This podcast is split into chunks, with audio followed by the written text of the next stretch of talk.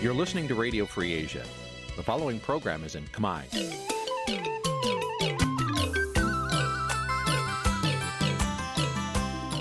នេះជាកម្មវិធីផ្សាយ Vuthu Azizi Serai នេះជាកម្មវិធីផ្សាយរបស់ Vuthu Azizi Serai ជា ភាសាខ្មែរ Vuthu Azizi Serai សូមស្វាគមន៍លោកអ្នកនាងទាំងអស់ពីរដ្ឋធានី Washington នៃសហរដ្ឋអាមេរិក។ចាប់ពីរដ្ឋធានី Washington នាងខ្ញុំម៉ៅសុធានីសូមជម្រាបសួរលោកអ្នកស្ដាប់ទាំងអស់ជាទីមេត្រីចាយើងខ្ញុំសូមជូនការផ្សាយសម្រាប់ព្រឹកថ្ងៃសុក្រ11រោចខែបុស្សឆ្នាំឆ្លូវត្រីស័កពុទ្ធសករាជ2565ហើយដល់ត្រូវនៅថ្ងៃទី28ខែមករាគ្រិស្តសករាជ2022 ជាដំបូងនេះសូមអញ្ជើញលោកអ្នកនាងកញ្ញាស្ដាប់ព័ត៌មានប្រចាំថ្ងៃដែលមានមេត្តាដូចតទៅ thank you អ្នកជំនាញថាកម្ពុជានឹងមិនអាចរៀបចំកិច្ចប្រជុំកំពូលអាស៊ានបានទេបើសិនបើមានវត្តមានមេដឹកនាំរដ្ឋប្រហារភូមាលោកសំរងស៊ីប្រមានជួលមេធាវីជប៉ុន ដើម្បីជំរុញឲ្យក្រុមហ៊ុនបញ្ចេញផតតាំងរឿងលោកហ៊ុនសែននិងនាងធីសវណ្ណថា សម្ព័ន្ធអ្នកសារព័ត៌មានកម្ពុជាឲ្យតឡាការទម្លាក់ចោលកាត់ចោតប្រកាន់មកលឿនអ្នកកសែតមួយរូបក្រុមអ្នកខ្លំមើលបារម្ភថារដ្ឋាភិបាលនឹងប្រើច្បាប់ថ្មីស្តីពីការជ្រៀតជ្រែករបស់បរទេសជាលេសបំបិតសម្លេងប្រឆាំងចារួមនឹងព័ត៌មានផ្សេងផ្សេងមួយចំនួនទៀតជាបន្តទៅទៀតនេះនាងខ្ញុំហៃសុធានីសូមជូនព័ត៌មានទាំងនោះពឺស្ដាប់ លោកនានីជាទីមេត្រីអ្នកជំនាញកិច្ចការអន្តរជាតិលើកឡើងថាលោកហ៊ុនសែននឹងមិនអាចសម្រេចផែនការរបស់ខ្លួន ក្នុងការបញ្ចុះបញ្ចូលឲ្យមេដឹកនាំអាស៊ានឲ្យទទួលយកមេដឹកនាំរបបសឹកមីយ៉ាន់ម៉ាឬភូមា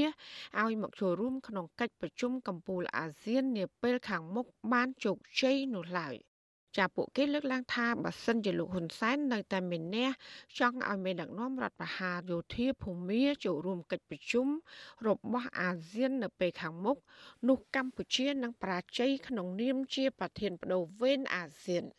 ចាប់ពីរដ្ឋធានី Washington លោកទីនសាការីយ៉ារីកាព័ត៌មាននេះក្រុមអ្នកតាមដានកិច្ចការអន្តរជាតិអះអាងថា លោកហ៊ុនសែននឹងមិនអាចរៀបចំកិច្ចប្រជុំកំពូលអាស៊ានបានទេបើសិនជាលោកនៅតែរក្សាចំហចង់បានវត្តមានមេដឹកនាំរបបសឹកមីយ៉ាន់ម៉ានៅក្នុងកិច្ចប្រជុំនោះអ្នកស្រាវជ្រាវនៅវិទ្យាស្ថានខ្មែរសម្រាប់សហប្រតិបត្តិការនិងសន្តិភាពលោកវ៉ាន់បនណាមានរំពឹងថាមេដឹកនាំរបបសឹកភូមាងាកមកអនុវត្តតាមគោលការណ៍ទាំង5ចំណុចរបស់អាស៊ានឡើយលោកបន្ថែមថាមកទល់ពេលនេះរបបសឹកនៅតែផ្កើនប្រធានអាស៊ាន និងសហគមន៍អន្តរជាតិដដែលពិសេសការប្រើអំពើហិង្សា ការបាញ់សម្លាប់បរតមីយ៉ាន់ម៉ា ទោះជារបបសឹកធ្លាប់ព្រមព្រៀងជាមួយលោកហ៊ុនសែនកាលពីដើមខែមករារួចទៅហើយក៏ដោយគឺពិបាកណាស់សម្រាប់មេដឹកនាំយោធាដែលអាចគោរពទៅតាមកិច្ចព្រមព្រៀងរវាងលោកនាយករដ្ឋមន្ត្រីហ៊ុនសែននិងខ្លួនហើយជាពិសេសទៅតេតទៅនឹងគោលការណ៍5ចំណុចរបស់អាស៊ានដោយសារទោះបីជានៅក្នុងការនិយាយតាមវីដេអូ conference នៅពេលចុងក្រោយនេះក៏ដោយក៏ដូចជាតាមប្រភពមួយចំនួនបានបង្ហាញថារបបសឹកយោធាឬក៏មេដឹកនាំយោធាភូមិមាននឹងហាក់ដូចជាមិនមានចេតនាណាមួយដើម្បីធ្វើការសម្របសម្រួលក៏ដូចជាធ្វើតាមទៅនឹងជាចំណុចព្រមព្រៀងគ្នារវាងកម្ពុជានិងខ្លួនណាការលើកឡើងរបស់អ្នកតាមដានកិច្ចការអន្តរជាតិនេះនៅក្រៅពីលោកនាយរដ្ឋមន្ត្រីហ៊ុនសែនបានជួបសន្ទនាជាមួយមេដឹកនាំរបបសឹកមីយ៉ាន់ម៉ាលោកមីនអងឡាំងកាលពីថ្ងៃទី26មករានៅក្នុងជំនួបនោះលោកហ៊ុនសែនស្នើឲ្យមេដឹកនាំរដ្ឋប្រហាររូបនេះអនុវត្តកិច្ចព្រមព្រៀង4ចំណុចរួមមានស្នើឲ្យមេដឹកនាំរដ្ឋប្រហារអនុវត្តឲ្យបានគោលការណ៍ទាំង5ចំណុចរបស់អាស៊ាន ស្នើឲ្យបង្កលក្ខណៈល្អឲ្យប្រេសិតពិសេសចូលទៅទស្សនកិច្ចនៅមីយ៉ាន់ម៉ាត្រូវបញ្ឈប់នៅរាល់អំពើហិង្សានិងត្រូវផ្ដល់ការសហការជាមួយបណ្ដាប្រទេសជាសមាជិកក្នុងការផ្ដល់ជំនួយមនុស្សធម៌ដល់ប្រជារដ្ឋមីយ៉ាន់ម៉ាជាដើមលោកហ៊ុនសែនបញ្ជាក់ថាបើសិនជាមេដឹកនាំរបបសឹកអនុវត្តតាមគោលការណ៍ទាំង5ចំណុចរបស់អាស៊ានបានគឺអាចមកចូលរួមកិច្ចប្រជុំកំពូលអាស៊ានបាននៅពេលខាងមុខមកទល់ពេលនេះរបបសឹកវិញក៏មិនទាន់ឆ្លើយតបទៅនឹងសំណើរបស់លោកហ៊ុនសែនវិញថាយ៉ាងណានៅឡើយទេ នេះមិនមែនជាលើកទី1ទេដែលលោកហ៊ុនសែនស្នើទៅលោកមីនអងលៀងឲ្យអនុវត្តគោលការណ៍4ចំណុចដោយដែលលោកបានស្នើឡើងនេះនៅក្នុងដំណើរទស្សនកិច្ចដ៏ចម្រុងចម្រាស់របស់លោកហ៊ុនសែនទៅកាន់ប្រទេសមីយ៉ាន់ម៉ាកាលពីថ្ងៃទី7និងថ្ងៃទី8មករានោះលោកមីនអងលៀងនិងលោកហ៊ុនសែនបានព្រមព្រៀងគ្នាគោលការណ៍ទាំងនេះរួចម្ដងមកហើយក៏ប៉ុន្តែក្រោយពីលោកហ៊ុនសែនវិលត្រឡប់មកកម្ពុជាវិញមិនបានស្រួលបួលផងក្រុមយោធាមីយ៉ាន់ម៉ាបានទម្លាក់គ្រាប់សម្លាប់បរដ្ឋស៊ីវិលភូមាដដែលក្រៅពីនេះ តឡាការរបបសឹកក៏បានកាត់ទោសមេដឹកនាំរដ្ឋាភិបាលជាប់ឆ្នោតស្របច្បាប់គឺអ្នកស្រីអង្សានសូជីឲ្យជាប់ពន្ធនាគារ4ឆ្នាំថែមទៀតផងក្រុមអ្នកតាមដានកិច្ចការអន្តរជាតិមើលឃើញថាឥឡូវនេះលោកហ៊ុនសែនហាក់បន្ទន់អេរយាប័តខ្លះលើចំហដោះស្រាយវិបត្តិនយោបាយនៅមីយ៉ាន់ម៉ានេះមុនពេលលោកហ៊ុនសែនបានសន្ទនាជាមួយលោកមីនអងឡាំងនោះទំនងជាមានការព្រមព្រៀងពីមេដឹកនាំអាស៊ានផ្សេងទៀតដូចជាមេដឹកនាំម៉ាឡេស៊ីនិងមេដឹកនាំឥណ្ឌូនេស៊ីជាដើមពីព្រោះការជួបមេដឹកនាំរបបសឹកនេះ នៅបន្ទាប់ពីលោកហ៊ុនសែនបានជួបមេដឹកនាំឥណ្ឌូនេស៊ីលោកជូកូវីដូដូនិងមេដឹកនាំម៉ាឡេស៊ីកាលពីថ្ងៃទី24និងថ្ងៃទី25មករាអ្នកខ្លោមើលផ្នែកអភិវឌ្ឍសង្គមបណ្ឌិតសេនស៊ូរីបញ្ជាក់ថាការព្យាយាមរបស់លោកហ៊ុនសែននេះនឹងមិនបានផ្លែផ្កាអ្វីជាដុំកំភួននោះទេពីព្រោះថាទិសដៅរបស់មេដឹកនាំធ្វើរដ្ឋប្រហារដណ្ដើមអំណាចពីរដ្ឋាភិបាលជាប់ឆ្នោតរបស់អ្នកស្រីអង្សានសូជីនោះគឺចង់ក្តោបក្តាប់អំណាចផ្ដាច់ការយូរអង្វែងទៅមុខទៀត ចឹងបើសិនជារដ្ឋាភិបាលយោធាបន្តនៅតែមិនខ្វល់អំពីអ្វីដែលខ្លួនបានព្រមព្រៀងនឹងទេខ្ញុំគិតថាមិនមែនតែអន្តរជាតិទេដែលនឹងដាក់គម្រាមសង្កត់មកលើរដ្ឋាភិបាលយោធាភូមិសម្បីតែអាស៊ាននឹងក៏ត្រូវតែមានយន្តការតឹងរឹងសម្រាប់សម្រាប់រដ្ឋាភិបាលយោធានឹងដែរបាទលោកនាយរដ្ឋមន្ត្រីហ៊ុនសែនបានថ្លែងនៅក្នុងវេទិកាអាស៊ានទេសចរនៅឯខេត្តប្រស័យហនុកាលពីពេលថ្មីថ្មីនេះថាអាស៊ាន មានការងារច្រើនណាស់ដែលត្រូវធ្វើលោកបន្ថែមថាអាស៊ានមិនមែនជាចំណាប់ខ្មាំងរបស់មីយ៉ាន់ម៉ាឡើយខ្ញុំសូមបញ្ជាក់ថាកិច្ចការរបស់អាស៊ានឆ្នាំ2022មិនមែនមានតែបញ្ហាមីយ៉ាន់ម៉ាតែមួយនោះទេដោយតអ្នកទាំងឡាយបាននិយាយយ៉ាងច្រើនក្នុងរយៈពេលប្រមាណជាជិត3អាទិត្យនេះខ្ញុំសូមនិយាយថាយើងមានកិច្ចការជាច្រើនដែលត្រូវធ្វើក្រៅពីរឿងម៉ៃយ៉ាម៉ា ហើយអាស៊ានមិនមែនជាចំណាប់ខ្មាំងនៃបញ្ហារបស់ម៉ៃយ៉ាម៉ានោះទេនេះជាការបញ្ជាក់យ៉ាងខ្លីដ៏សង្ខេបដើម្បីចង្អុលបង្ហាញទិសទៅលើអ្នកតាមដានសភាពការទាំងឡាយទោះបីជាយ៉ាងនេះក្តីនៅវិភាគនយោបាយនៅប្រទេសខ្លួននៅក្រៅប្រទេសលោកកឹមសុខប្រមានថាបើសិនជាលោកហ៊ុនសែនមិនព្រមដកខ្លួនថយឲ្យឆ្ងាយពីមេដឹកនាំយោធាមានអង្លាននោះទេ លោកហ៊ុនសែននឹងបរាជ័យលើការរៀបចំកិច្ចប្រជុំផ្សេងៗទៀតរបស់អាស៊ានជាមិនខានខ្ញុំគិតថាការព្យាយាមរបស់លោកហ៊ុនសែនដើម្បីបង្កើតគំរូថ្មីមួយនៅអាស៊ាន គឺគំរូបញ្ចុះបញ្ចូលឲ្យអាស៊ានទទួលស្គាល់រដ្ឋប្រហារយោធាឲ្យទៅអង្គុ យនៅក្នុងកិច្ចប្រជុំអាស៊ានហ្នឹងមកដល់ពេលនេះលោកហ៊ុនសែនដឹងខ្លួនឯងថាបរាជ័យធ្ងន់ធ្ងរទៅហើយបរាជ័យដោយសារតែប្រមុខរដ្ឋប្រមុខការទូតនៃរដ្ឋាភិបាលប្រទេសអាស៊ាននានាគេធ្វើប្រតិកម្មការទូតចំចំតែម្ដងបរាជ័យនេះគឺជាការបង្ហាញឲ្យឃើញថាបើលោកហ៊ុនសែនមិនសម្របសម្រួលឬក៏បន្ទន់អិរិយាបថណាមួយឲ្យឃ្លាតឆ្ងាយពីក្រមវិនអងលៀងរដ្ឋប្រហារយោធានៅភូមាបន្តិចទេ ហើយវិលទៅកាន់គោលការណ៍5ចំណុចរបស់អាស៊ានវិញអាស៊ានក៏ពិបាកនឹងធ្វើការជាមួយគ្នាហើយកិច្ចការប្រជុំផ្សេងផ្សេងរបស់អាស៊ាននៅពេលខាងមុខក៏អាចស្ទះដំណើរច្រើនដែរកម្ពុជាក្នុងនាមជាប្រធានបដូវវេនអាស៊ានបានខកខានការរៀបចំកិច្ចប្រជុំថ្នាក់រដ្ឋមន្ត្រីការបរទេសអាស៊ានម្ដងរួចមកហើយដោយសារតែលោកហ៊ុនសែនបានទៅធ្វើទស្សនកិច្ចនៅប្រទេសមីយ៉ាន់ម៉ាដ៏ចម្រុងចម្រាស់កាលពីដើមខែមករារដ្ឋមន្ត្រីការបរទេសឥណ្ឌូនេស៊ីលោកសៃផុតទីនអាប់តុលឡោះ បានប្រាប់ក្រុមអ្នកសារព័ត៌មានថាមូលហេតុដែលរដ្ឋមន្ត្រីការបរទេសអាស៊ានមិនទៅចូលរួមប្រជុំតាមការអញ្ជើញរបស់កម្ពុជាដោយការគ្រងទុកកាលពីថ្ងៃទី18 19មករានោះដោយសារតែលោកហ៊ុនសែនទៅជួបមេដឹកនាំរបបសឹកដោយអត្តនោម័តគឺមិនបានជួបពិភាក្សាជាមួយថ្នាក់ដឹកនាំអាស៊ានជាមុនសិននៅក្នុងជំនួបរវាងលោកហ៊ុនសែននិងមេដឹកនាំឥណ្ឌូនេស៊ីកាលពីពេលថ្មីៗនេះវិញលោកហ៊ុនសែនបានជំរុញឲ្យប្រធានាធិបតីឥណ្ឌូនេស៊ីជួយជំរុញឲ្យមានកិច្ចប្រជុំថ្នាក់រដ្ឋមន្ត្រីការបរទេសអាស៊ាន ឲ្យបានឆាប់ឆាប់វិញដែរតែទៅនឹងបញ្ហានេះក្រុមអ្នកតាមដានកិច្ចការអន្តរជាតិអះអាងថាកម្ពុជានឹងមានភាពអាម៉ាស់កាន់តែខ្លាំងពិសេសឯខកខានរៀបចំកិច្ចប្រជុំកំពូលអាស៊ាននៅចុងឆ្នាំ2022ខាងមុខទៀតបើសិនជាលោកហ៊ុនសែននៅតែមានអ្នកចង់ឲ្យមេដឹកនាំរបបផ្សឹកចូលរួមកិច្ចប្រជុំកំពូលអាស៊ានដដែលនោះខ្ញុំទីនសាការីយ៉ាអសិសរីប្រធានីវ៉ាស៊ីនតោនអាស៊ីសេរី ចាលោកដានៀងកញ្ញាកំពុងស្ដាប់ការផ្សាយរបស់វិទ្យុអាស៊ីស្រីផ្សាយចេញពីរដ្ឋធានី Washington ពាក់ព័ន្ធនឹងរឿងកម្ពុជាជាប្រធានបដូវវេនអាស៊ាន ក្នុងឆ្នាំ2022នេះដែរក្រុមអ្នកជំនាញពុំមានសុតិធិនិយមថាកម្ពុជា អាចដោះស្រាយបញ្ហាអតិភិបពាក់ព័ន្ធនឹងវិស័យសន្តិសុខនិងនយោបាយរបស់អាស៊ានស្របពេលដែលតំបន់អាស៊ាន និងពិភពលោកទាំងមូលកំពុងជួបប្រទះបញ្ហាតានតឹងជាច្រើននៅរយៈពេលចុងក្រោយនេះ ទោះយ៉ាងណាក្រុមអ្នកជំនាញមួយចំនួនរំពឹងថាកម្ពុជា អាចសម្រេចបានអត្ថប្រយោជន៍ខ្លះក្នុងវិស័យសេដ្ឋកិច្ចសង្គមនិងវប្បធម៌របស់អាស៊ាន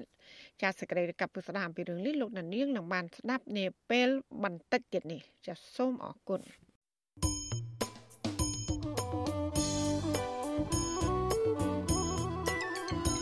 លោកនាងកញ្ញាកំពុងស្ដាប់ការផ្សាយរបស់វិទ្យុអាស៊ីស្រីផ្សាយចេញពីរដ្ឋធានី Washington ចាវិទ្យុអសីស្រីផ្សាយតាមរលក ធាតុអាកាសខ្លីឬ short wave តាមកម្រិតនិងកម្ពស់ដូចតទៅ ពេលព្រឹកចាប់ពីម៉ោង5កន្លះដល់ម៉ោង6កន្លះតាមរយៈរលកធាតុអាកាសខ្លី9390 kHz ស្មើនឹងកម្ពស់ 32ម៉ែត្រហើយនឹង11850 kHz ស្មើនឹងកម្ពស់ 25ម៉ែត្រ ចាសម្រាប់ពេលយប់វិញចាប់ពីម៉ោង7កន្លះដល់ម៉ោង8កន្លះគឺតាមរយៈរលកធាតុអាកាសខ្លី9390 kHz ស្មើនឹងកម្ពស់32ម៉ែត្រហើយនឹង15155 kHz ស្មើនឹងកម្ពស់20ម៉ែត្រចាសសូមអរគុណ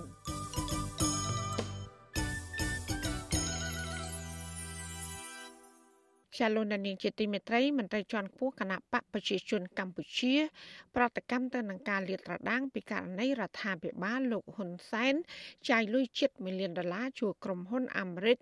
ឲ្យបញ្ចុះបញ្ចូលឬឲ្យនិយាយល្អពីខ្លួនមន្ត្រីដដែលថាការជួលនេះគឺជាការឆ្លើយតបទៅនឹងការចោទប្រកាន់ទាំងឡាយដែលថាកម្ពុជា យកសហរដ្ឋអាមេរិកជាខ្មាំងសត្រូវមិនមែនជាការពិតនោះឡើយ ចាអ្នកស្រីខែសំណងរាយការណ៍ព័ត៌មាននេះពីរដ្ឋធានី Washington មន្ត្រីជាន់ខ្ពស់គណៈបកប្រជាជនអះអាងថាកម្ពុជាមានចេតនារក្សាទំនាក់ទំនងល្អជាមួយអាមេរិកនិងមិនដែលចាត់ទុកអាមេរិកថាជាខ្មាំងសត្រូវឡើយអ្នកនាំពាក្យគណៈបកប្រជាជនកម្ពុជាលោកសុកអេសាន មានប្រសាសន៍ថាការចំណាយលុយដើម្បីជួលក្រុមហ៊ុនអាមេរិកពេលនេះគឺដើម្បីឲ្យរដ្ឋាភិបាលសហរដ្ឋអាមេរិកដឹងការពិតនៃចេតនារបស់រដ្ឋាភិបាលកម្ពុជា ក្នុងការរក្សាទំនាក់ទំនងល្អជាមួយអាមេរិក លោកថាករណីនេះអាចជាការឆ្លើយតបទៅនឹងការចោទប្រកាន់ទាំងឡាយណា ដែលថាកម្ពុជាយកសហរដ្ឋអាមេរិកជាខ្មាំងសត្រូវមិនមែនជាការពិតឡើយ។ ចាត់ទុកអាមេរិកកាំងជាខ្មាំងសត្រូវអីវាអត់ត្រូវទេឃើញទេបើសិនណាជាចាត់អាមេរិកកាំងជាខ្មាំងសត្រូវមិនមែនយកយកលុយរាប់ម៉ឺនដុល្លារទៅ lobby ដើម្បីធ្វើឲ្យទំនាក់ទំនងកម្ពុជាអាមេរិកមានលក្ខណៈល្អទេរដ្ឋកុំឲ្យជឿអ្នកញុះញង់កុំឲ្យជឿប្រព័ន្ធផ្សព្វផ្សាយអឺមួយចំនួនដែលវាលំអៀងខាងនយោបាយចេះតែផ្សាយមិនពិតរឿងហ្នឹងអញ្ចឹងវាមានន័យអញ្ចឹងណាការលើកឡើងបែបនេះ ធ្វើឡើងក្រោយពេលក្រសួងយុទ្ធភ័ពអាមេរិកកាលពីថ្ងៃទី21ខែមករាឲ្យដឹងថារដ្ឋាភិបាលលោកហ៊ុនសែនចំណាយលុយជិត1លានដុល្លារជួលក្រុមហ៊ុនមេធាវីអាមេរិកកាំងឲ្យជួយបញ្ចុះបញ្ចូលរដ្ឋាភិបាលអាមេរិកដើម្បីស្ដារទំនាក់ទំនងរបស់ប្រទេសទាំងពីរឡើងវិញក្រុមហ៊ុនអាមេរិកកាំងដែលរដ្ឋាភិបាលលោកនាយករដ្ឋមន្ត្រីហ៊ុនសែនបានជួលឲ្យបញ្ចុះបញ្ចូលមន្ត្រីរដ្ឋាភិបាលនិងក្រុមអ្នកធ្វើគោលនយោបាយអាមេរិកឲ្យខ្លួននាពេលនេះមានឈ្មោះថាក្រុមហ៊ុន Akin Gump ដែលជាក្រុមហ៊ុនអាមេរិកកាំងល្បីឈ្មោះមួយក្រុមហ៊ុននេះក៏ធ្លាប់ផ្ដល់សេវាកម្មបញ្ចុះបញ្ចូលទៅឲ្យរដ្ឋាភិបាលបរទេសដទៃទៀតដូចជាជប៉ុន និងម៉ារ៉ុកជាដើមប្រពន្ធដដែលលាតត្រដាងទៀតថារដ្ឋាភិបាលកម្ពុជាត្រូវបង់ថ្លៃចំនួន60000ដុល្លារក្នុងមួយខែគិតចាប់ពីថ្ងៃទី1ខែមករាឆ្នាំ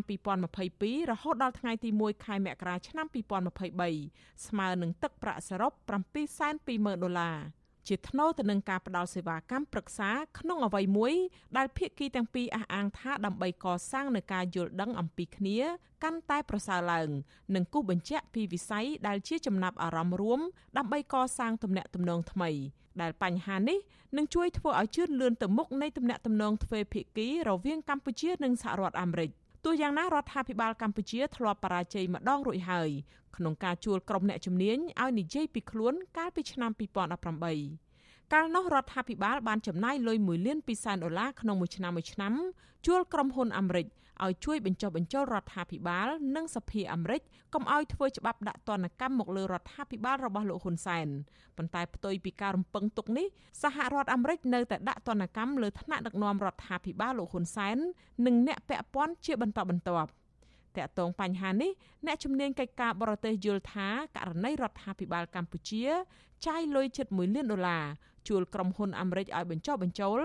ឬនិយាយល្អពីខ្លួននេះបានបង្កើតចម្ងល់ដល់សហរដ្ឋអាមេរិកទៅវិញទេសាស្ត្រាចារ្យវិទ្យាសាស្ត្រនយោបាយនិងកិច្ចការអន្តរជាតិលោកអែមសវណ្ណារារំលឹករដ្ឋាភិបាលកម្ពុជាថាទំនាក់ទំនងរវាងសហរដ្ឋអាមេរិកនិងកម្ពុជាមិនអាចប្រើលុយបាននោះទេប៉ុន្តែត្រូវទាមទារឲ្យមានចិត្តស្មោះ និងការអនុវត្តជាក់ស្ដែងដែលជាការស្ដារឡើងវិញនៃការគោរពសិទ្ធិមនុស្សប្រជាធិបតេយ្យនិងការធានាដែនអធិបតេយ្យភាពរបស់ខ្លួនលោកថាការចង់បានទំនាក់ទំនងជាមួយសហរដ្ឋអាមេរិកទាមទារឲ្យរដ្ឋាភិបាលកសាងទំនុកចិត្តល្អនឹងគ្នា បើសិនជារដ្ឋាភិបាលកម្ពុជានៅតែមិនងាកមកកែលម្អសិទ្ធិមនុស្សប្រជាធិបតេយ្យនិងការលាងជម្រះតាក់ទងវត្តមានមូលដ្ឋានកងទ័ពចិននៅកំពង់ផែសមុទ្ររៀមខេត្តប្រស័យនុនោះទំនាក់ទំនងនយោបាយការបរទេសនិងវិស័យពាណិជ្ជកម្មនឹងគ្មានភាពល្អប្រសើរឡើយ។និយាយល្អហ្នឹងវាអត់គ្រប់គ្រាន់ទេតើតែធ្វើល្អបានគ្រប់គ្រាន់ព្រោះបើយើងពាក្យខ្មែរយើងថាយើងស្អាតតើតែយើងស្អាតហ្មងបើយើងគាត់ថាស្អាតហ្នឹងគេមិនជឿយើងទេគេមើលឃើញយើងមិនស្អាតឡើយហ្នឹងវាពាក់ព័ន្ធទៅនឹងភាពគេហៅថាជឿកសាងជំនឿទុកចិត្តគ្នាការផ្ដល់តម្លៃស្មារតីគ្នាទៅវិញទៅមកឧទាហរណ៍នៅក្នុងតំណែងតំណងអញ្ចឹងកុំឲ្យមានការខ្នាំងខ្នើគ្នាកុំឲ្យមានការសង្ស័យគ្នាអាហ្នឹងទើបវាអាចលុបបំបាត់ទៅរឈានទៅរកតំណែងតំណងល្អ លោកសាស្ត្រាចារ្យអែមសវណ្ណារាព្រួយបារម្ភថាបរដ្ឋាភិបាលកម្ពុជានៅតែគ្មានទំនាក់ទំនងល្អជាមួយសហរដ្ឋអាមេរិកតទៅទៀតរដ្ឋាភិបាលកម្ពុជាអាចនឹងត្រូវសហរដ្ឋអាមេរិកដាក់ទណ្ឌកម្មបន្ថែមទៀតរួមទាំងការបន្តមិនផ្ដល់ប្រព័ន្ធអនុគ្រោះពន្ធទូទៅ GSP ជាដើមឯកសារនៃការចុះបញ្ជីតំណាងឲ្យភ្នាក់ងារបរទេសដែលត្រូវបានលាតត្រដាងឲ្យដឹងតាមរយៈក្រសួងយុទ្ធភ័ពអាមេរិកកាលពីថ្ងៃទី21ខែមករាឲ្យដឹងថាកិច្ចព្រមព្រៀងនេះ ត្រូវបានចុះហត្ថលេខាដោយភារៈធារីស្ថានទូតកម្ពុជាប្រចាំសហរដ្ឋអាមេរិកលោកខឹមរុយសុនកាលពីថ្ងៃទី5ខែមករានិងក្រុមហ៊ុន Akin Gam តំណាងដោយលោក Scott David Pavan ដែលធ្លាប់ផ្ដល់សេវាបញ្ចុះបញ្ចូលឲ្យតំណាងរដ្ឋាភិបាល និងស្ថានទូតបរទេសជាច្រើននៅរដ្ឋធានី Washington សហរដ្ឋអាមេរិកក្រុមការងាររបស់ក្រុមហ៊ុនដែលរដ្ឋាភិបាលលោកហ៊ុនសែនជួលនេះរួមមានលោក Scott David Pavan និងដៃគូគឺលោក Ed Pagano ដែលជាអតីតទីប្រឹក្សាវិមានប្រធានាធិបតីកាលពីសម័យរដ្ឋបាលរបស់លោកបារ៉ាក់អូបាម៉ាការចុះកិច្ចព្រមព្រៀងជួលក្រុមហ៊ុនអាមេរិកកាំងថ្មីពេញមួយឆ្នាំនាឆ្នាំ2022នេះធ្វើឡើងស្របពេលដែលកម្ពុជាក្លាយជាប្រធានបដូវវេនអាស៊ាន និងក្រោយពីសហរដ្ឋអាមេរិកបានសម្រេចដាក់ទណ្ឌកម្មមិនលក់ដូរឬរដ្ឋបတ်អាវុធផលិតដោយសហរដ្ឋអាមេរិកឲ្យកម្ពុជា។ ទន្ទឹមនឹងនេះសហរដ្ឋអាមេរិកក៏បានដាក់ទណ្ឌកម្មជាបន្តបន្ទាប់មកលើមន្ត្រីយោធាជាន់ខ្ពស់កម្ពុជា ក្នុងនោះរួមមានលោកចៅភិរុនអគ្គនាយកនៃអគ្គនាយកដ្ឋានសម្ភារៈបច្ចេកទេសនៃក្រសួងការពារជាតិនិងលោកទាវិញមេបញ្ជាការកងទ័ពជើងទឹកក្រោយពីរកឃើញថាមន្ត្រីកម្ពុជាទាំងពីររូបនេះពាក់ព័ន្ធទៅនឹងការប្រព្រឹត្តអំពើពុករលួយធ្ងន់ធ្ងរជំវិញគម្រោងធ្វើទំនើបកម្មកំពុងផែកងទ័ពជើងទឹករៀមទណ្ឌកម្មនេះក៏ជាការឆ្លើយតបទៅនឹងការកើនឡើងនៃឥទ្ធិពលរបស់ចិនមកលើកម្ពុជា ស្របពេលដែលសហរដ្ឋអាមេរិកនៅតែបន្តសម្ដែងក្តីកង្វល់របស់ខ្លួនជុំវិញបញ្ហាសង្ស័យថាកម្ពុជាអនុញ្ញាតឲ្យចិនបោះមូលដ្ឋានទ័ពនៅកំពង់ផែរៀមនិងវត្តមានកងទ័ពចិននៅលើទឹកដីកម្ពុជាសហរដ្ឋអាមេរិកក៏នៅតែបន្តអំពាវនាវដល់កម្ពុជាឲ្យបង្ហាញដំណាភាពជុំវិញរឿងនេះថ្មីថ្មីនេះទៀតសោត សហរដ្ឋអាមេរិកក៏បានណែនាំក្រុមហ៊ុននិងអ្នកវិនិយោគជនជាតិអាមេរិកកាំងទាំងអស់ឲ្យប្រុងប្រយ័ត្នមុននឹងវិនិយោគលើវិស័យហានិភ័យមួយចំនួននៅកម្ពុជា ក្នុងនោះមានដូចជាវិស័យហិរញ្ញវត្ថុអចលនទ្រព្យកាស៊ីណូនិងហេដ្ឋារចនាសម្ព័ន្ធជាដើមជាមួយគ្នានេះដែរសេចក្តីស្នើច្បាប់ដាក់ទណ្ឌកម្មជាក់លាក់ចំនួន2ប្រឆាំងនឹងមន្ត្រីជាន់ខ្ពស់នៃរដ្ឋាភិបាលកម្ពុជាក៏កំពុងស្ថិតនៅក្នុងដៃស្ថាប័នព្រឹទ្ធសភាសហរដ្ឋអាមេរិកត្រៀមនឹងអនុម័តបន្តនាពេលខាងមុខ។ ដើម្បីឲ្យប្រធានាធិបតីអាមេរិកចុះហត្ថលេខាคล้ายជាច្បាប់ផ្លូវការដែរចា៎នាងខ្ញុំខែសុណងវັດឈូអាស៊ីសេរីរាយការណ៍ពីរដ្ឋធានី Washington អាស៊ីសេរី លោកដានីជាទីមេត្រីលោកសំរងស៊ីប្រធានស្ដីទីគណៈបកសង្គ្រោះជាតិបានឈានមួយជំហានទៀតក្នុងការតស៊ូមតិលើឆាកអន្តរជាតិដើម្បីលាតត្រដាងការពិតនិងយុត្តិធម៌ជំវិញទំនាក់ទំនងរវាងលោកនាយករដ្ឋមន្ត្រីហ៊ុនសែននិងនាងធីសវណ្ណថា ចាជំហានបន្ទាប់នេះគឺលោកប្រមានថាលោកនឹងជួបមេធាវីជប៉ុន ដើម្បីជំរុញឲ្យក្រុមហ៊ុនគ្រប់គ្រងបណ្ដាញទំនាក់ទំនងសង្គមឈ្មោះឡាញបញ្ចេញភ័ស្តុតាងពិត នៃសារឆ្លងឆ្លើយគ្នារវាងចៅហើយនិងតាលោកប្រាប់បច្ចុប្បន្នស៊ីស្រីនៅពេលថ្មីថ្មីនេះថាក្រុមហ៊ុនជប៉ុននេះមានករណីកិច្ចជួយរកយុត្តិធម៌សង្គមដោយគ្រាន់តែបង្ហាញថាសារឆ្លងឆ្លើយគ្នានោះគឺជាសារពិតហើយអាចទីទីបញ្ចប់គិតរកមេធាវី អន្តរជាតិមេធាវីនៅស្រុកជប៉ុននោះហ្មងឃើញហើយបង្អើលហ្មងបង្អើលឲ្យសាធារណៈមតិជប៉ុននោះដាក់សម្ពាធលើក្រុមហ៊ុន LINE នេះហ្មងវែកមុខវាចង្អុលមុខវាថាអីក៏ខូចម៉េះណាប៉ុន្តែដំណាក់កាលនេះខ្ញុំធ្វើស្រួលស្រួលធ្វើជជែកទៅបាទ កាលពីថ្ងៃទី11ខែមករាលោកសំរងស៊ីបានធ្វើសំណើទៅក្រុមហ៊ុនជប៉ុននេះម្ដងរួចទៅហើយឲ្យបញ្ជាក់ថាសារឆ្លងឆ្លើយគ្នារវាងលោកហ៊ុនសែននិងនាងធីសវណ្ណថាក្នុងឆ្នាំ2016 2017គឺជាការឆ្លងឆ្លើយគ្នាពិតប្រាកដតាមរយៈបណ្ដាញ LINE នោះ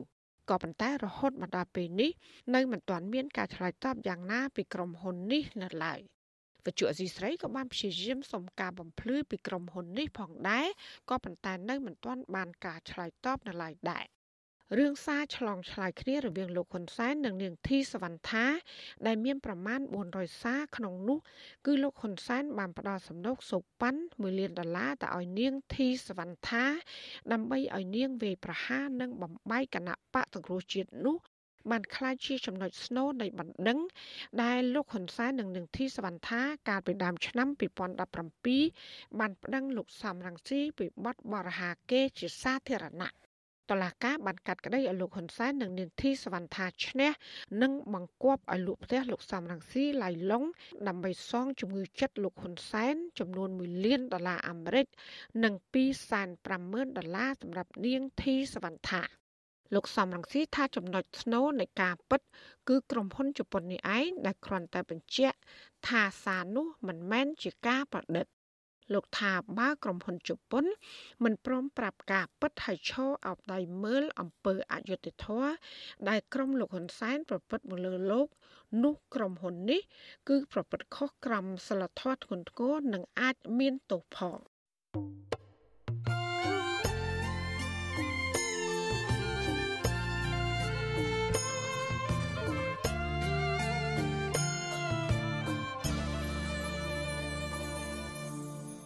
ចាលោកនាងជាទីមេត្រីពាក់ព័ន្ធនឹងការកាត់ទោសអ្នកកសែតវិញសម្ព័ន្ធអ្នកសារព័ត៌មានកម្ពុជាហៅកាត់ថាកម្ពុជាអំពាវនាវឲ្យតុលាការទម្លាក់ចោលការចោទប្រកាន់លើអ្នកកសែតនិងសហការជាមួយក្រុមអ្នកយកព័ត៌មានដទៃទៀតដើម្បីដោះស្រាយបញ្ហានានាក្នុងសង្គមដូចជាបញ្ហាទំនាស់ដីធ្លីជាដើមការលើកឡើងរបស់នាយកប្រតិបត្តិសម្ព័ន្ធអ្នកសារព័ត៌មានកម្ពុជា លោកណូវីធ្វើឡើងក្រោយដែលអ្នកកាសែតម្នាក់ គឺលោកប៉ែននួនបានប្តឹងទៅក្រសួងយុទ្ធភ័ពឲ្យអន្តរាគមករណីចៅក្រមពីរូបនិងបរិយាអាញារងពីរូបដែលបានកាត់ក្តីឲ្យលោកសង្ឃប្រាក់ជំងឺចិត្តឲ្យមន្ត្រីជាន់ខ្ពស់យុទ្ធពីរូបក្រោយដែលលោកបានចុះផ្សាយរឿងចំនួនដីធ្លីរវាងនាយទាហានទាំងពីររូបនោះជាមួយនឹងប្រជាប្រដ្ឋ4គ្រួសារនៅភូមិសាមគ្គីឃុំអន្លង់វែងខេត្តឧត្តរមានជ័យ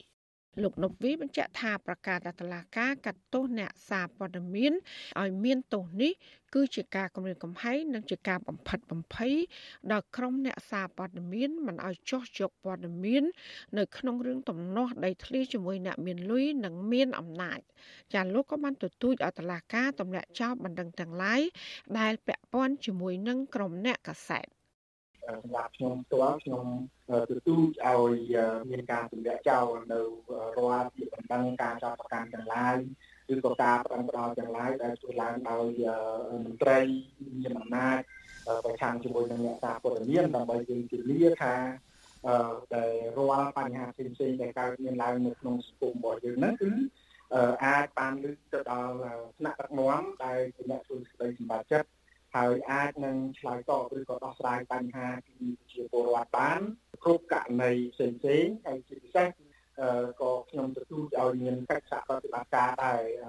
នៅក្នុងការឲ្យអ្នកសារព័ត៌មានអាចអនុវត្តការងារបានកាន់តែមានភាពងាយស្រួលតា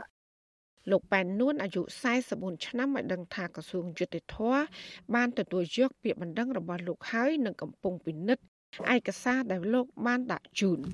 លោកសង្ឃឹមថាក្រសួងយុតិធម៌នឹងជួយអន្តរាគមន៍ករណីនេះវិទ្យុអសីស្រីបានទូរស័ព្ទសុំការបញ្ជាក់រឿងនេះបន្ថែម ពីរដ្ឋលេខាធិការក្រសួងយុតិធម៌លោកជីនម៉ាលីន កាលពីថ្ងៃទី27ខែមករាម្សិលមិញតែគ្មានអ្នកទទួលក៏ប៉ុន្តែលោកប្រាប់កាសែតក្នុងស្រុកថាក្រសួងនឹងធ្វើការត្រួតពិនិត្យករណីនេះដោយខ្លួនឯង លោកប៉ែននួនបន្តថាលោកគឺជាជនរងគ្រោះដោយសារតែបានបញ្ចេញឈ្មោះមន្ត្រីយោធាផ្កាយ2ចំនួន2រូបដែលបានរឹបអូសយកដីរបស់ប្រជាពលរដ្ឋ4កុសានៅលើផ្ទៃដី ចំនួន6ហិកតាហើយលោកមានផាត់តាំងគ្រប់គ្រាន់និងសាក់សីដែលជាម្ចាស់ដី លោកបន្តថាលោកត្រូវបានចៅក្រមសាលាដំបងរាជធានីភ្នំពេញបានបើកសវនាការកាលពីថ្ងៃទី6ខែមករាដោយគ្មានវត្តមានលោកនិងបានចេញសារក្រមសម្រាប់ឲ្យលោកសងប្រាក់ជំងឺចិត្តចំនួន6លានរៀលឬស្មើ1450ដុល្លារទៅឲ្យនាយទៅហ៊ានផ្កាយ2ចំណែកចៅក្រមនៃតុលាការខេត្តឧត្តរមានជ័យក៏បានកាត់ក្តីឲ្យលោកបង់ប្រាក់ជំងឺចិត្តទៅដើមបណ្ដឹងដែលជានាយទៅហ៊ានទាំងពីរនាក់នេះដែរ។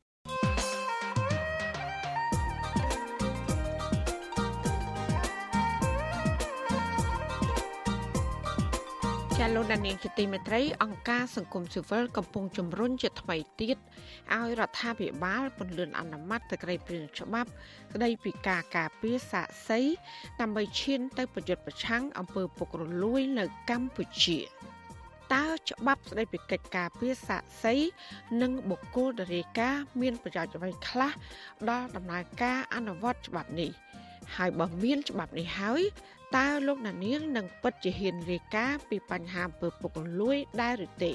ចាសសូមលោកនាងកញ្ញារងចាំស្ដាប់នឹងទស្សនាកិច្ចពិភាក្សានេះ នៅក្នុងនេតិវេទិកាអ្នកស្ដាប់អាស៊ីសេរីជំវិញបញ្ហានេះនៅរាត្រីថ្ងៃសុក្រនេះចាប់ពីម៉ោង7កន្លះដល់ម៉ោង9យប់ ចាំបើសិនជាលោកណានៀងមានសំណួរឬចង់សាកសួរភ្ញៀវរបស់យើងដោយផ្ទាល់លោកណានៀងអាចដាក់លេខទូរស័ព្ទរបស់លោកអ្នកនៅក្នុងខ្ទង់ comment ឬប្រអប់សារ Messenger Facebook និង YouTube របស់ Azizi Saray ចាស់ក្រុមការងាររបស់យើងនឹងតាក់ទងទៅលោកណានៀងវិញចាសសូមអរគុណ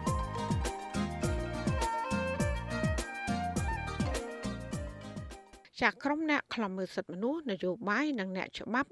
បារម្ភថារដ្ឋាភិបាលនឹងប្រើច្បាប់ថ្មី ស្ដីពីការជ្រៀតជ្រែករបស់បរទេសចូលកិច្ចការផ្ទៃក្នុង ជាលេសបំបិតសម្លេងអ្នកប្រឆាំងចាក់ក្តីបារម្ភនេះបន្ទាប់ពីមន្ត្រីក្រសួងមហាផ្ទៃអះអាងថាក្រសួងកំពុងសិក្សាពីគោលគំនិត នៃការបង្កើតច្បាប់ថ្មីនេះ ស្ដីពីការជ្រៀតជ្រែករបស់បរទេសចូលផ្ទៃក្នុងកម្ពុជា ចាសសេចក្តីរាយការណ៍ពុស្ដាមពីរឿងនេះលោកអ្នកនាងក៏នឹងបានស្ដាប់នាពេលបន្តិចទៀតនេះចាសសូមអរគុណ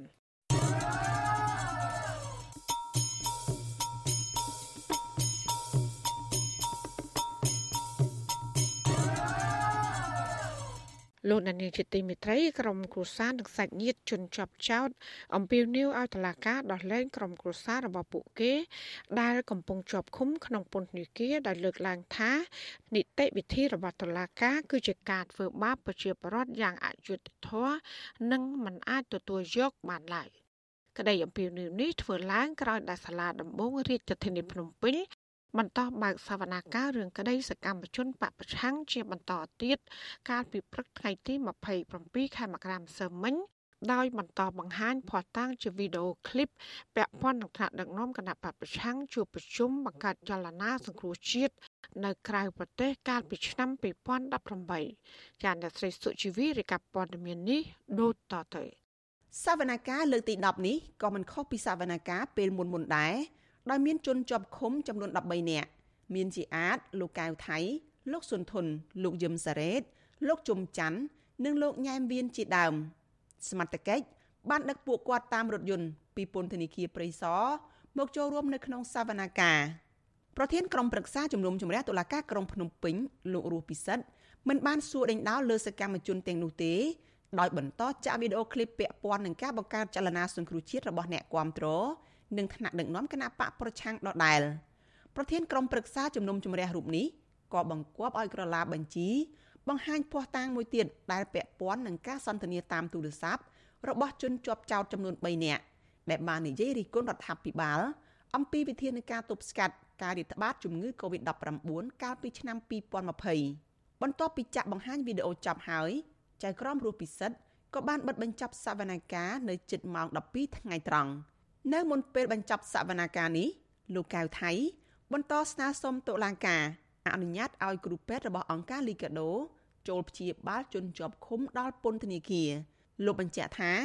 លោកនិងសកម្មជនមួយចំនួនទៀតធ្លាក់ខ្លួនឈឺនិងខ្លះទៀតមានជំងឺប្រចាំកាយដែលត្រូវការគ្រូពេទ្យព្យាបាលឲ្យបានទៀងទាត់ឆ្លើយតបនឹងការស្នើសុំនេះចៅក្រមរស់ពិសិដ្ឋមិនជំទាស់នោះទេដោយលោកណែនាំឲ្យគ្រូពេទ្យអង្គការលីកាដូ តាក់ទងទៅខាងពន្ធនាគារដោយខ្លួនឯងតុលាការនឹងបន្តសវនកម្មសំណុំរឿងនេះជាថ្មីទៀតនៅថ្ងៃទី24ខែកុម្ភៈខាងមុខសមត្ថកិច្ចបានដឹកជនជាប់ចោតទៅពន្ធនាគារព្រៃសរក្រោយពេលចប់សវនកម្មសវនកម្មនៅខែក្រោយនេះគឺជាការធ្វើសេចក្តីសន្និដ្ឋានការពីរបស់មេធាវី និងតំណាងអัยការព្រមទាំងការធ្វើសំណុំពររបស់ជនជាប់ចោតទាំងអស់ ទោះជាយ៉ាងណាមេធាវីការពីក្តីឲ្យសកម្មជនគណបកប្រឆាំងលោកសំសុគង្គយល់ថាការស្ដាប់វីដេអូរបស់កូនក្តីនេះគឺជាការរំលោភសិទ្ធិឯកជនដែលសិទ្ធិនេះត្រូវបានធានាដោយរដ្ឋធម្មនុញ្ញបន្ថែមពីនេះលោកមើលឃើញថាភ័ស្តុតាងជាវីដេអូឃ្លីបដែលតុលាការចាក់បង្ហាញនោះ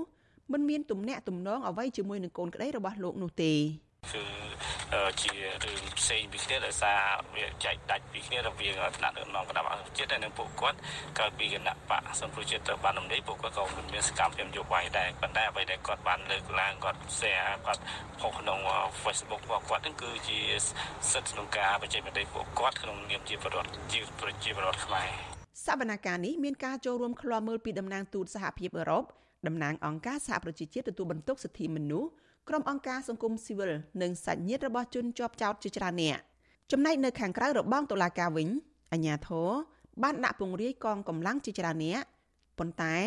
មិនមានក្រុមគ្រួសាររបស់មន្ត្រីបកប្រឆាំងនិងអ្នកគាំទ្រខ្លំមើលសវនកម្មដោយពេលមុននោះទេប្រពន្ធសកម្មជនគណៈបកសង្គ្រោះជាតិលោកយឹមសារ៉េតគឺលោកស្រីអុកចន្ទធីប្រាប់វិទ្យុអាស៊ីសេរីក្រោយចប់សវនកម្មថាភ័ស្តុតាងដែលតុលាការបង្ហាញនោះ គឺជាការរៀបចំដើម្បីទម្លាក់កំហុសមកលើប្តីរបស់លោកស្រី និងសកម្មជនដទៃទៀតដោយអយុត្តិធម៌មិនអាចទទួលយកបានឡើយលោកស្រីចាត់ទុកនីតិវិធីរបស់តុលាការបែបនេះជាការសម្ដែងល្ខោនលេងសើចដើម្បីបោសសម្អាតអ្នកដែលមាននិន្នាការផ្ទុយពីរដ្ឋាភិបាលឯកបៈនេះតែប៉ុណ្ណោះគឺខ្ញុំមានការឈឺចាប់ខ្លាំងណាស់មិនថាគ្រួសារខ្ញុំទេគឺគ្រួសារអ្នកជាប់ឃុំទាំងអស់គឺពិតជារងអយុត្តិធម៌ខ្លាំងបំផុត ដែលមិនអាចទទួលយកបានដោយសារជីវភាពគ្រួសារពួកខ្ញុំម្នាក់ម្នាក់មានការខ្វះខាតដោយខ្ញុំសពថ្ងៃនេះគឺរោគមួយខែទប់ទល់មួយខែគឺអត់គ្រប់ទេគឺដោយសារខ្ញុំនឹងឡើងមកសាវនាការរៀងរាល់សប្តាហ៍ដើម្បីចង់ដឹងថាតើតឡាការនឹងគាត់កាត់ទោសប្តីខ្ញុំយ៉ាងម៉េចហើយគាត់ចោទថាប្តីខ្ញុំមិនមានកំហុសអីពិតប្រាកដដែលយកគាត់ទៅឃុំឃាំងទាំងអយុត្តិធម៌អស់72ឆ្នាំមកនេះ វិទ្យុអាស៊ីសេរីមិនអាចតេតតแนะនាំពាក្យសាលាដំបងរាជធានីភ្នំពេញលោកអ៊ីរិនដើម្បីសូមអត្ថាធិប្បាយជុំវិញបញ្ហានេះបានទេនៅថ្ងៃទី13ខែមករាជុំវិញរឿងនេះប្រធានសមាគមការពារសិទ្ធិមនុស្សអាត6លោកនីសុខា នៅតែមើលឃើញថារឿងក្តីក្តាមនេះជាការធ្វើទុកបុកម្នេញផ្នែកនយោបាយដោយភ្ជាប់សាច់រឿងរបស់ពួកគេមកចាត់វិធានការតាមផ្លូវតុលាការលោកយល់ថាដើម្បីដោះស្រាយបញ្ចប់បញ្ហានេះ មានតែមេដឹកនាំគណៈបកកណ្ដាលអំណាចនិងគណៈបកប្រឆាំងងាកមកចរចាត្រូវរើគ្នាដើម្បីប្រយោជន៍ជាតិនិងសេចក្តីសុខរបស់ពលរដ្ឋអានឹងវាជាជាងយើងខិតខំប្រឹងប្រែងយករឿងនយោបាយទៅឲ្យប្រព័ន្ធតុលាការដោះស្រាយវាធ្វើឲ្យប្រទេសកម្ពុជាយើងការទៅប្រព័ន្ធយុត្តិធម៌យើងកាន់តែរងភាពអាម៉ាស់ទៅរងភាពអាម៉ាស់ទៅពិសេសគឺថាមានការកាន់តែរិះគន់កាន់តែធ្ងន់ធ្ងរទៅធ្ងន់ធ្ងរទៅពីសំណាក់ទាំងមតិជាតិទាំងមតិអន្តរជាតិដែលគឺមើលឃើញថាប្រព័ន្ធយុត្តិធម៌យើងមិនឯករាជ្យនៅក្រៅអធិបុលអ្នកនយោបាយអីអីហោហែនឹងឯងបើសិនជាយើងចេះតែខំបន្តឲ្យប្រព័ន្ធយុត្តិធម៌យើងកាន់តែនេះទៅណាបាទនឹងវាធ្វើឲ្យប្រព័ន្ធយុត្តិធម៌នឹងកាន់តែបាត់តម្លៃទៅវិញទេសាលាដំបងរាជធានីភ្នំពេញបានចោទប្រកាន់សកម្មជនបកប្រឆាំងចំនួន42នាក់ ពីបទរួមគំនិតក្បត់និងញុះញង់ពាក់ព័ន្ធនឹងដំណើរមាតុភូមិនិវត្តរបស់លោកសំរងស៊ីកាលពីចុងឆ្នាំ2019តុលាការគ្រោងនឹងបញ្ចប់ការសួរដេញដោលសំណុំរឿងនេះនៅចុងខែកុម្ភៈខាងមុខអង្គការសង្គមស៊ីវិលជាតិនិងអន្តរជាតិជាច្រើនស្ថាប័នចាត់ទុករឿងក្តីក្តាំនេះថាជាការធ្វើទុកបុកម្នេញផ្នែកនយោបាយនិងស្នើឲ្យតុលាការទម្លាក់ចោលការចោទប្រកាន់និងដោះលែងជនជាប់ឃុំទាំងនោះឲ្យមានសេរីភាពវិញដោយឥតលក្ខខណ្ឌ នាងខ្ញុំសូជីវីវិទ្យុអាស៊ីសេរីពីរដ្ឋធានី Washington លោកដានីងជាទីមេត្រីតកតងនឹងគណៈបកសង្គ្រោះជាតិនេះដែរតឡាការខេត្តត្បូងឃ្មុំសម្រាប់ដោះលែងសមាជិកក្រុមស្ត្រីថ្ងៃសុកគឺលោកត្រីខនតុនឲ្យមានត្រី ភាពឡើងវិញកាលពីម្សិលមិញចាលោកត្រីបានជាប់ឃុំឃាំងនៅក្នុងពន្ធនាគារគ្រប់ចំនួនកំណត់រយៈពេល1ឆ្នាំ។ លោកស្រីខនតុនថ្លែងប្រាប់វិទ្យុអសីស្រីក្រោយវិចេញពន្ធនាគារថាការចាប់ខ្លួននិងផ្ដន្ទាទោសលោកស្រី គឺជារឿងអយុត្តិធម៌និងជារឿងគួរឲ្យឈឺចាប់ជាទីបំផុតលោកស្រីអះអាងថាលោកស្រីមិនបានប្រព្រឹត្តបទល្មើសដូចជាការចាប់ប្រកាន់របស់អាជ្ញាធរនិងតុលាការនោះឡើយហើយសកម្មភាពរបស់លោកស្រី គឺជាការអនុវត្តសិទ្ធិសេរីភាពស្របតាមច្បាប់ជាតិនិងអន្តរជាតិ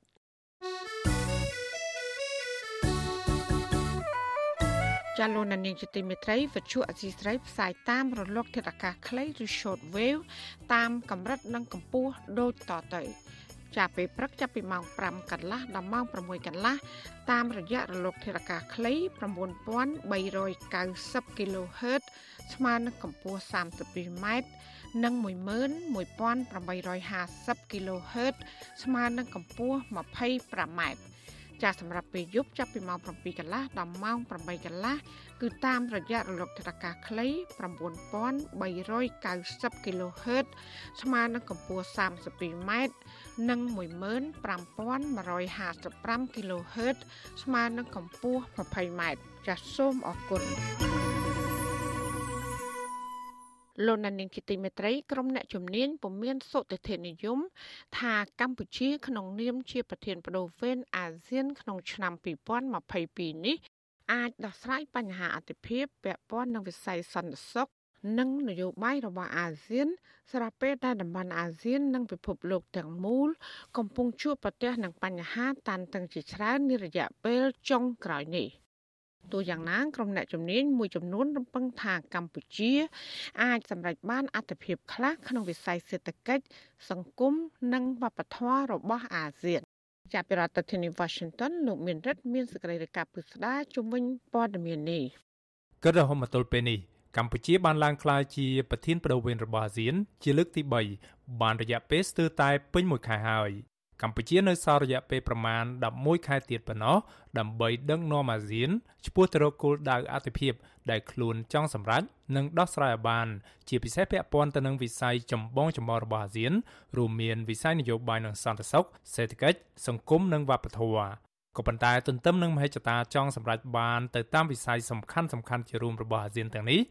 កម្ពុជាបានបើកឆាកដឹកនាំអាស៊ាន នៅលើវិថីដ៏រលាក់បាត់ទៅហើយ។ កម្ពុជាបានចំណាយពេលស្ទើរតែពេញមួយខែដំបូងព្យាយាមដោះស្រាយបញ្ហាវិបត្តិមីយ៉ាន់ម៉ាឬភូមា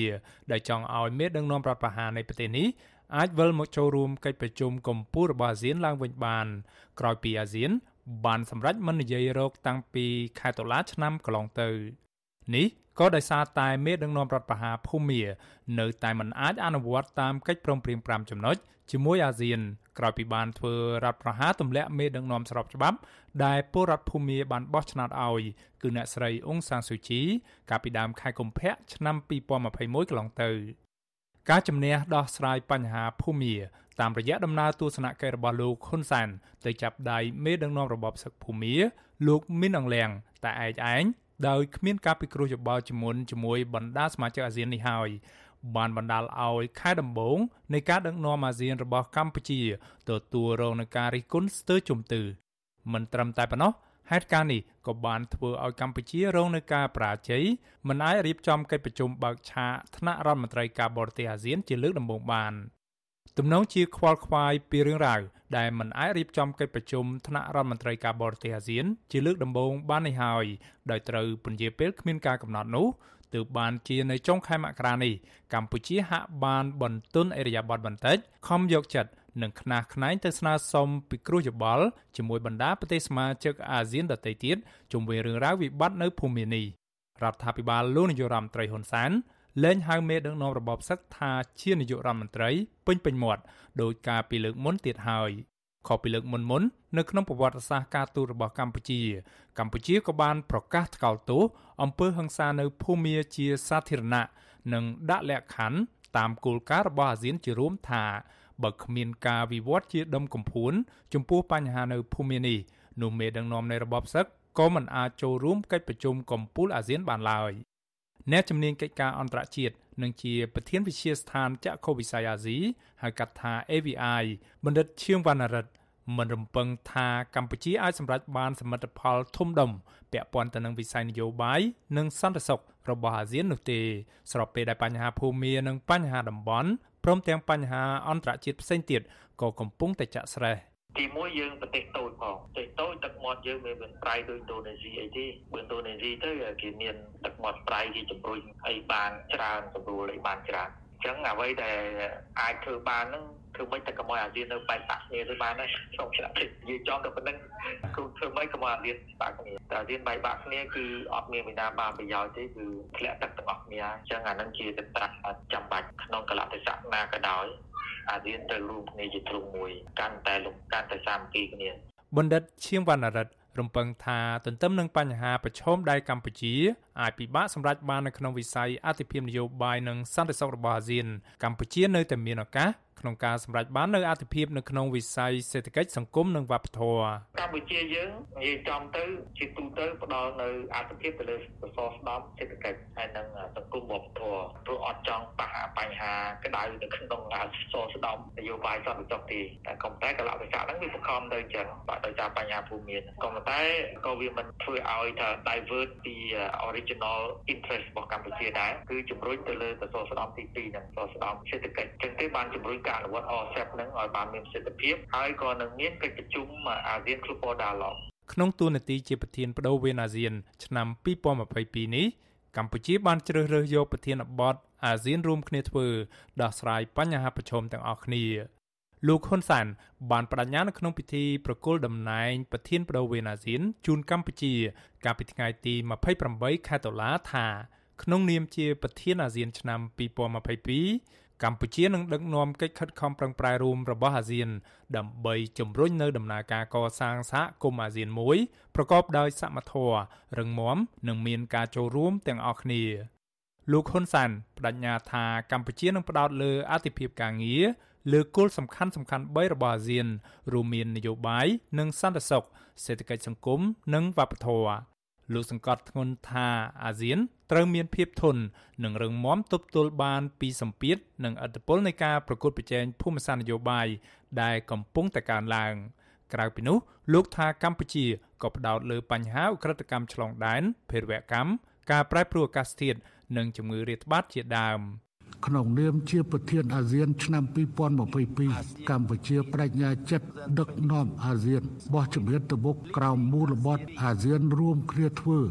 ដោះស្រាយបញ្ហាប្រឈមទាំងអស់គ្នាដើម្បីភាពសុខដុមរមនាសន្តិភាពនិងវិបុលភាពក្នុងតំបន់ទាំងមូលទូយ៉ាងណាសម្រាប់អ្នកវិភាគនយោបាយបណ្ឌិតសេងសេរីវិញលោកយល់ថាបញ្ហាធំពីរ ដែលកម្ពុជាគួរធ្វើនិងសម្រេចបាននៅក្នុងនាមជាប្រធានបដូវវេនអាស៊ាន នៅក្នុងឆ្នាំ2022នេះដែលលោកថានឹងក្លាយជារឿងដ៏អស្ចារ្យសម្រាប់កម្ពុជានោះគឺក្រៅតែពីបញ្ហាវិបត្តិភូមិកម្ពុជាក៏គួរដោះស្រាយជំរះនៅក្តីមន្ទិលជុំវិញរឿងរ៉ាវពាក់ព័ន្ធនឹងការចាត់ប្រកាន់អំពីមូលដ្ឋានកងទ័ពចិន នៅកម្ពុជា ដែលជាប្រធានបដូវវេនអាស៊ានខ្លួនឯង។ រឿងពីរដែលកម្ពុជាគួរធ្វើទី1គឺត្រូវតែបកត្រូវតែដោះស្រាយបញ្ហាការចោទប្រកាន់មូលដ្ឋានទ័ពចិននៅកម្ពុជាហ្នឹងព្រោះអាហ្នឹងវាជារឿងដែលពាក់ព័ន្ធទៅនឹងសន្តិសុខជាតិផងហើយសន្តិសុខតំបន់ហើយស្រួលមិនស្រួលហ្នឹងប្រទេសលោកអង់គ្លេសហ្នឹងអាចយកលេសហ្នឹងនៅក្នុងការរុញកម្ពុជាធ្លាក់ចូលក្នុងខ្លាយទៅជាសេវីននៃការប្រកួតជើអំណាច អាហ្នឹងអាហ្នឹងគឺកម្ពុជាត្រូវតែយកអាហ្នឹងជាអតិភិបទី2ទៀតគឺបញ្ហាដោះស្រាយនៅបញ្ហានៅភូមិអញ្ចឹងតិចរីច្រើនយ៉ាងហើយណាក៏កម្ពុជាគួរតែបង្ហាញពីការប្រឹងប្រែងនៅក្នុងការដោះស្រាយបញ្ហាដោយមានការសហការមានការជជែកគ្នានៅក្នុងតំបន់កម្ពុជាបានចូលជាសមាជិកអាស៊ានជាលើកដំបូងនៅថ្ងៃទី30ខែមេសាឆ្នាំ1999 ដែលជាផ្នែកមួយនៃគោលនយោបាយការបរទេសរបស់កម្ពុជា ដើម្បីធ្វើសមារណកម្មទៅក្នុងតំបន់ដែលអាចឲ្យកម្ពុជាទាញយកប្រយោជន៍សេដ្ឋកិច្ចនិងសង្គមពីតំបន់អាស៊ានទាំងមូលបានគិតរួមទាំងឆ្នាំ2022នេះកម្ពុជាបានទទួលតួនាទីជាប្រធានប្រវេនអាស៊ានសរុប3លើកមកហើយចាប់តាំងពីក្លាយជាសមាជិកអាស៊ានរួចមក គឺលើកទី1នៅឆ្នាំ2002 លើកទី2នៅឆ្នាំ2012និងលើកទី3នៅឆ្នាំ2022នេះតែម្ដង នៅឆ្នាំ2022នេះថាតើកម្ពុជាអាចនឹងទទួលរងនឹងការថ្កោលទោសដោយដែលខ្លួនធ្លាប់ទទួលរងកាលពីពេលដឹកនាំអាស៊ាន លើកទី2ក្នុងឆ្នាំ2012ដែរឬយ៉ាងណានោះគេត្រូវរងចាំអត់មើលរហូតដល់ដំណាច់ឆ្នាំនេះនៅពេលដែលកិច្ចប្រជុំកំពូលកំពូលរបស់អាស៊ាននឹងត្រូវធ្វើឡើងពេលនោះហើយ ពិភពលោកនឹងបានដឹងអំពីសារធាតុនិងមុខមាត់ពិតប្រាកដរបស់កម្ពុជាថាតើរដ្ឋាភិបាលរបស់លោកនាយរដ្ឋមន្ត្រីហ៊ុនសែននឹងនៅតែបន្តធ្វើជាកូនអុករបស់ចិន នៅក្នុងសមាគមអាស៊ាន មិនខុសពីមួយទសវត្សរ៍មុនដែរឬយ៉ាងណានោះខ្ញុំបាទមេរិត Visual C ស្រីរាយការណ៍ពីរដ្ឋធានី Washington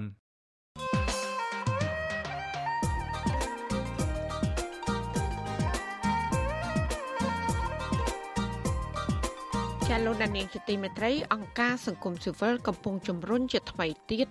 ឲ្យរដ្ឋាភិបាលពន្លឿនអនុម័តទៅក្រៃព្រៀងច្បាប់ ស្ដីពីការការពារសាកសី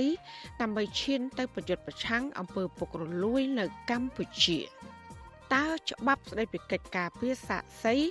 និងបុគ្គលដរាយការមានប្រយោជន៍អ្វីខ្លះដល់ដំណើរការអនុវត្តច្បាប់នេះ ហើយបើមានច្បាប់នេះហើយ តើលោកណានៀងនឹងពិតជាហ៊ានរាយការណ៍ពីបញ្ហាអំពើពុករលួយដែរឬទេចាសសូមលោកនាងកញ្ញារងចាំស្ដាប់នឹងទស្សនាកិច្ចពិភាក្សានេះនៅក្នុងនេតិវេទិកាអ្នកស្ដាប់អាស៊ីសេរីជំវិញបញ្ហានេះនៅរាត្រីថ្ងៃសុក្រនេះចាប់ពីម៉ោង7កន្លះដល់ម៉ោង9យប់ ចាំបើសិនជាលោកណានៀងមានសំណួរឬចង់សាកសួរភ្ញៀវរបស់យើងដោយផ្ទាល់លោកណានៀងអាចដាក់លេខទូរស័ព្ទរបស់លោកអ្នកនៅក្នុងខ្ទង់ comment ឬប្រអប់សារ Messenger Facebook និង YouTube របស់ Azizi Saray ចាស់ក្រុមការងាររបស់យើងនឹងតាក់ទងទៅលោកណានៀងវិញចាសសូមអរគុណ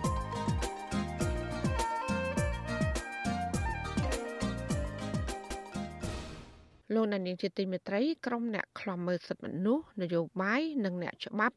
បារម្ភថារដ្ឋាភិបាលនឹងប្រើច្បាប់ថ្មី ស្ដីពីការឈៀតឆ្លែក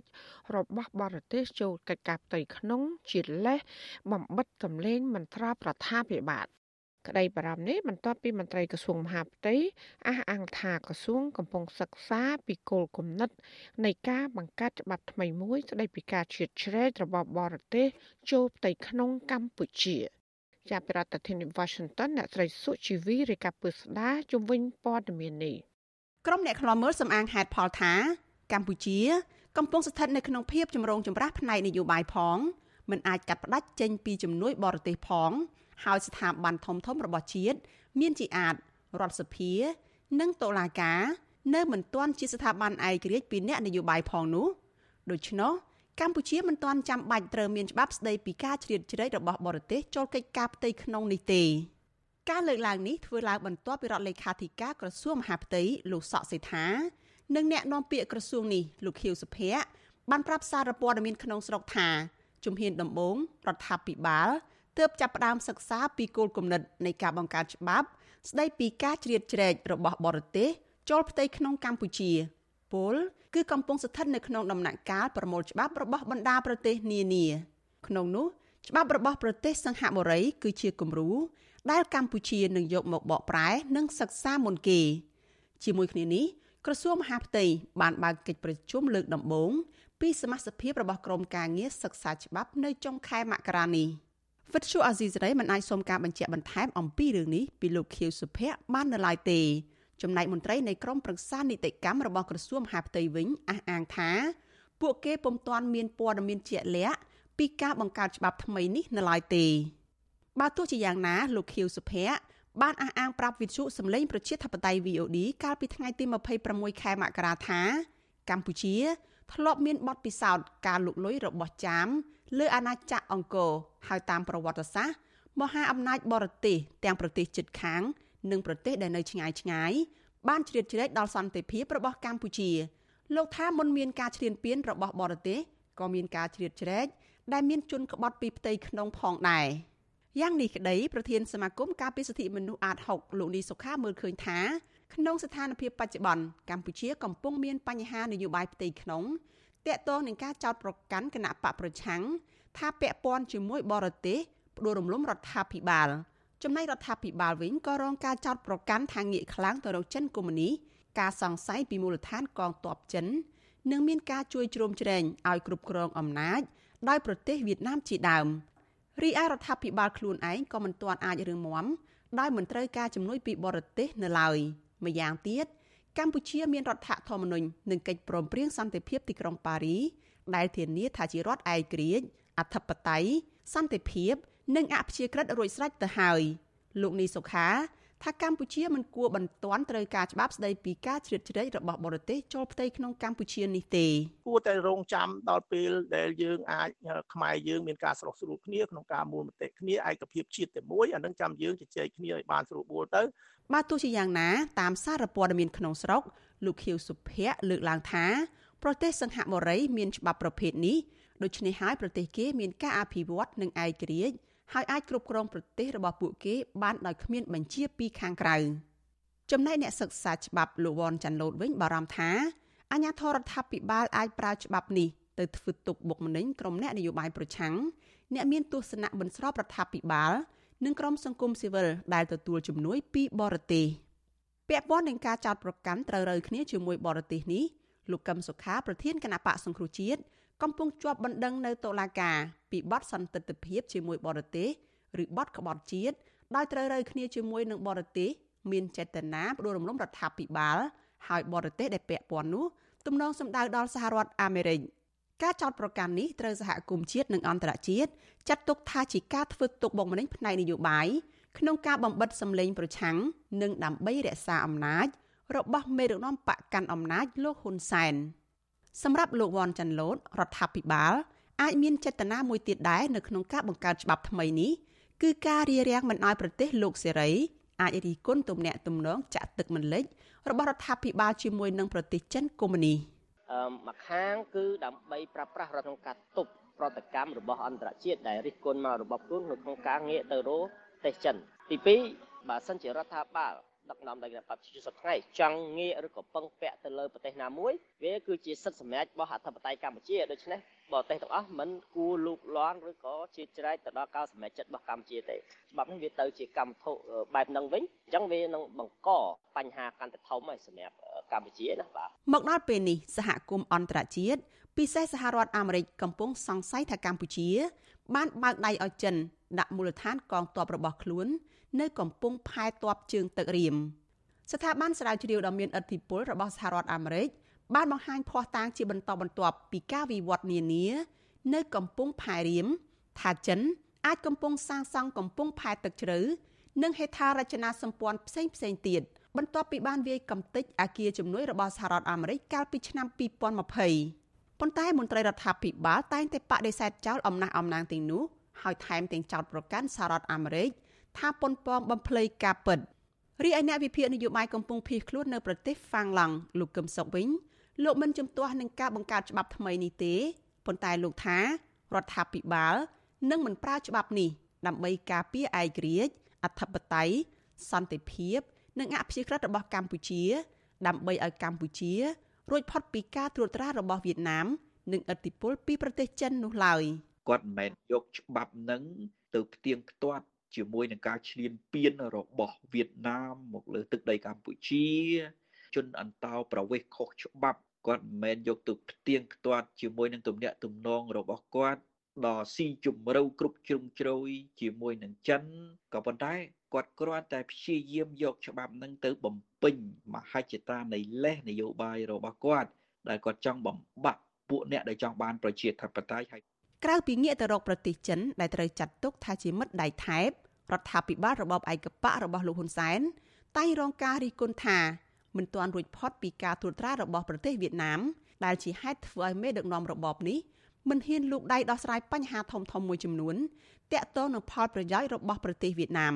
ដោយរួមទាំងវិស័យនយោបាយសេដ្ឋកិច្ចពាណិជ្ជកម្មបញ្ហាព្រំដែនបញ្ហាជនអន្តោប្រវេសន៍ខុសច្បាប់វៀតណាមនិងទំនាក់ទំនងការបរទេសឬអាចនិយាយបានថារបបលោកហ៊ុនសែន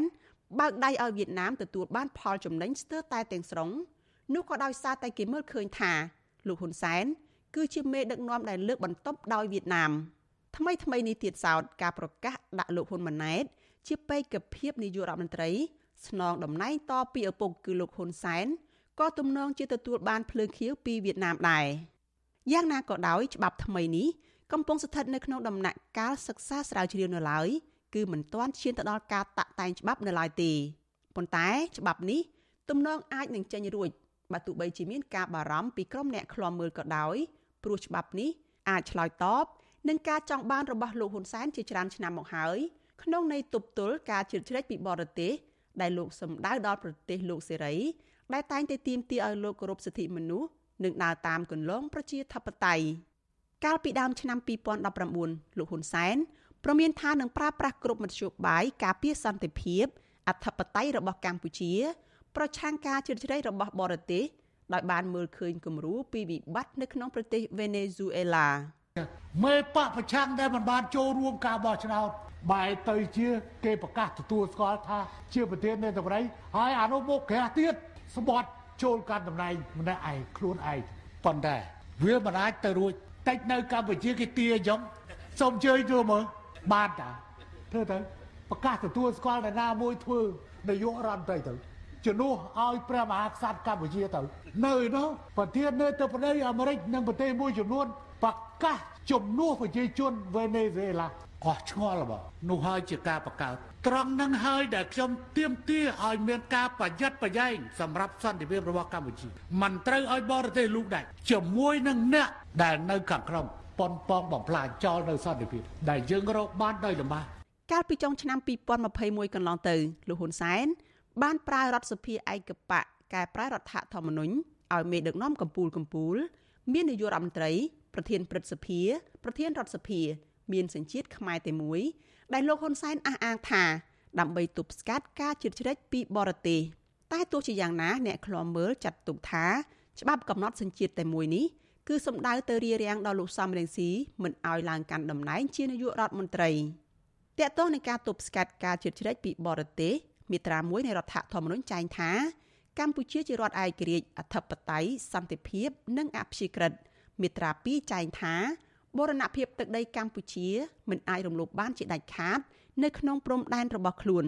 ចំណែកក្នុងកិច្ចព្រមព្រៀងសន្តិភាពទីក្រុងប៉ារីឆ្នាំ1991ក៏មានផ្នែកមួយដោយឡែក ដែលចែងពីភាពដែលមិនអាចរំលោភបាន របស់ឯករាជ្យអធិបតេយ្យសន្តិភាព និងអព្យាក្រឹតរបស់កម្ពុជានាងខ្ញុំសុជីវីវិទ្យុអាស៊ីសេរីពីរដ្ឋធានី Washington thank you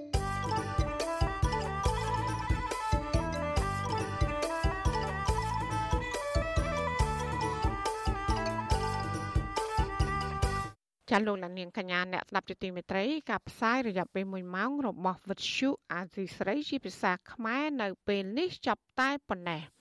ចាយើងខ្ញុំទាំងអស់គ្នាសូមជូនពរលោកលានាងនិងក្រុមគ្រួសារទាំងអស់សូមជួបប្រកបតែនឹងសេចក្តីសុខសេចក្តីចម្រើន ជានិរន្តរ៍ចានាងខ្ញុំម៉ៅសុធានីព្រមទាំងក្រុមការងារទាំងអស់របស់អាស៊ីស្រីសូមអរគុណនិងសូមជម្រាបលា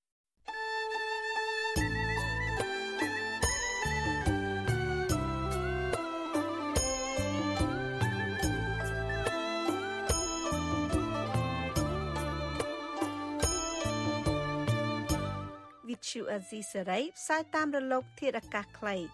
ឬ short wave តាមកម្រិតនិងកម្ពស់ដូចតទៅនេះពេលព្រឹកចាប់ពីម៉ោង5កន្លះដល់ម៉ោង6កន្លះតាមរយៈរលកធាតុអាកាសខ្លី9390 kHz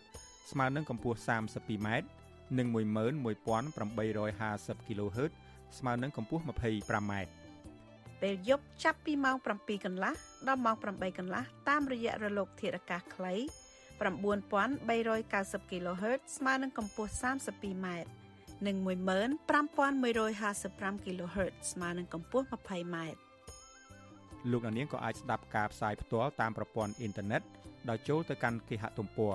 www.rfa.org/ ខ្មែរក្រៅពីនេះលោកអ្នកនាងក៏អាចអាននិងទស្សនាព័ត៌មានវិទ្យុអេស៊ីសរ៉ៃ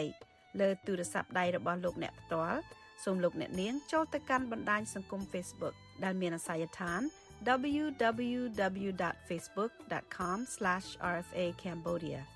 និង YouTube www.youtube.com/rfa ខ្មែរ video សូមលោកអ្នកនាងចុច like និងចុច subscribe ដើម្បីទទួលបានព័ត៌មានថ្មីៗទាន់ហេតុការណ៍និងទស្សនាវីដេអូផ្សេងៗទៀតបានគ្រប់ពេលវេលា។